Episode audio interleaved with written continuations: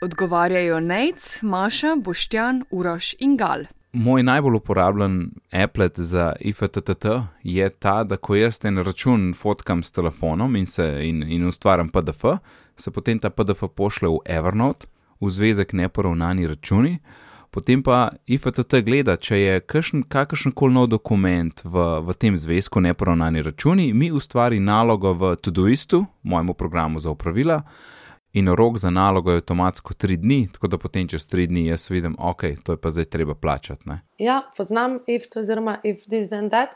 Uporabljam ga večinoma z Instagramom, da se mi shranjujejo fotke direktno v Dropbox, pa vse lajkane fotke v Dropbox, na Twitterju pa za tvite, ki jih označam s favorite in so tudi članki, da se shranjujejo v Pocket.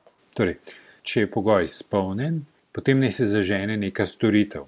Prvič sem za to kratico slišal na področju avtomatizacije doma, digitalno izvedbo termostatov za temperaturo, ki jih lahko uporabljamo tudi na drugih področjih. Recimo, ko je ura 22 nič nič, iz senzorjev gibanja, senzorjev stopa, prižgi luč v dnevni sobi. No, nekaj tasga se je pojavilo tudi na pametnih telefonih in če pride tweet z vala 202, zaženi aplikacijo za radio.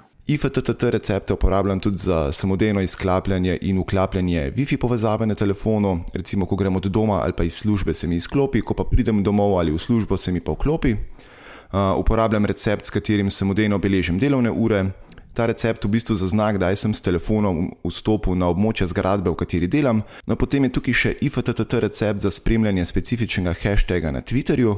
Imam pa še kup drugih receptov, ki pa so večinoma vezani na lokacijo, na kateri se nahajam, ali pa na določeno uro v dnevu. En primer tega je recimo, da se mi telefon samodejno utiša proti večeru.